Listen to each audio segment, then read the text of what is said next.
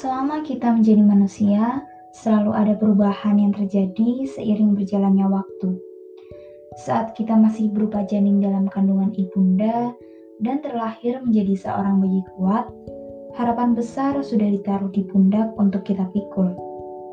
Harapan ini tentu masih berupa ekspektasi-ekspektasi semu yang mungkin realitanya berbeda dengan apa yang diinginkan. Ekspektasi membawa perubahan Begitu pula dengan bidang arsitektur. Arsitektur hanyalah sebagian produk kecil dari peradaban manusia yang perubahannya dilatar belakangi perkembangan pemikiran manusia. Entah itu berkembang menjadi lebih baik atau malah sebaliknya.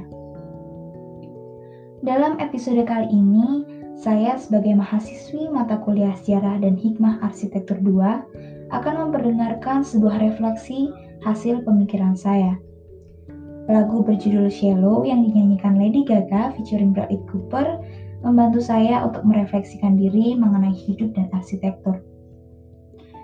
Sebenarnya, apalagi yang akan manusia cari di dunia jika dengan segala perubahan yang terjadi tidak lagi menyulitkan hidupnya dan justru mempermudahnya? Tell me something girl, are you happy in this modern world? Tetapi, Apakah manusia tentu bahagia dengan segala perubahan yang ada? Arsitektur menjadi salah satu dampak dari perputaran roda kehidupan. Di era modern, para arsitek ingin meninggalkan segala kesulitan dan beralih ke hal yang lebih ringkas. Form follow function dan ornamen crime adalah dua dari prinsip-prinsip arsitektur modern. Lantas, Hal ini juga tidak membuat manusia senang karena dalam berarsitektur di era modern saat itu terjadi sebuah krisis yang mana perancang akan menyamaratakan kondisi tiap calon pengguna. Sehingga diledakannya proyek Aiko dinyatakan sebagai salah satu kematian arsitektur modern akibat kegagalan sang perancang. Sedangkan arsitektur postmodern muncul sebagai reaksi terhadap arsitektur modern. Aturan-aturan kaku yang ada di arsitektur modern telah bergeser dan menjunjung tinggi rasionalisme. Postmodernisme memiliki semangat kemajuan dan perubahan. Kebenaran atau segala pendapat menjadi relatif dan dianggap semuanya benar. Sisi negatifnya, relativitas dapat menjerumuskan manusia ke jalan yang sesat.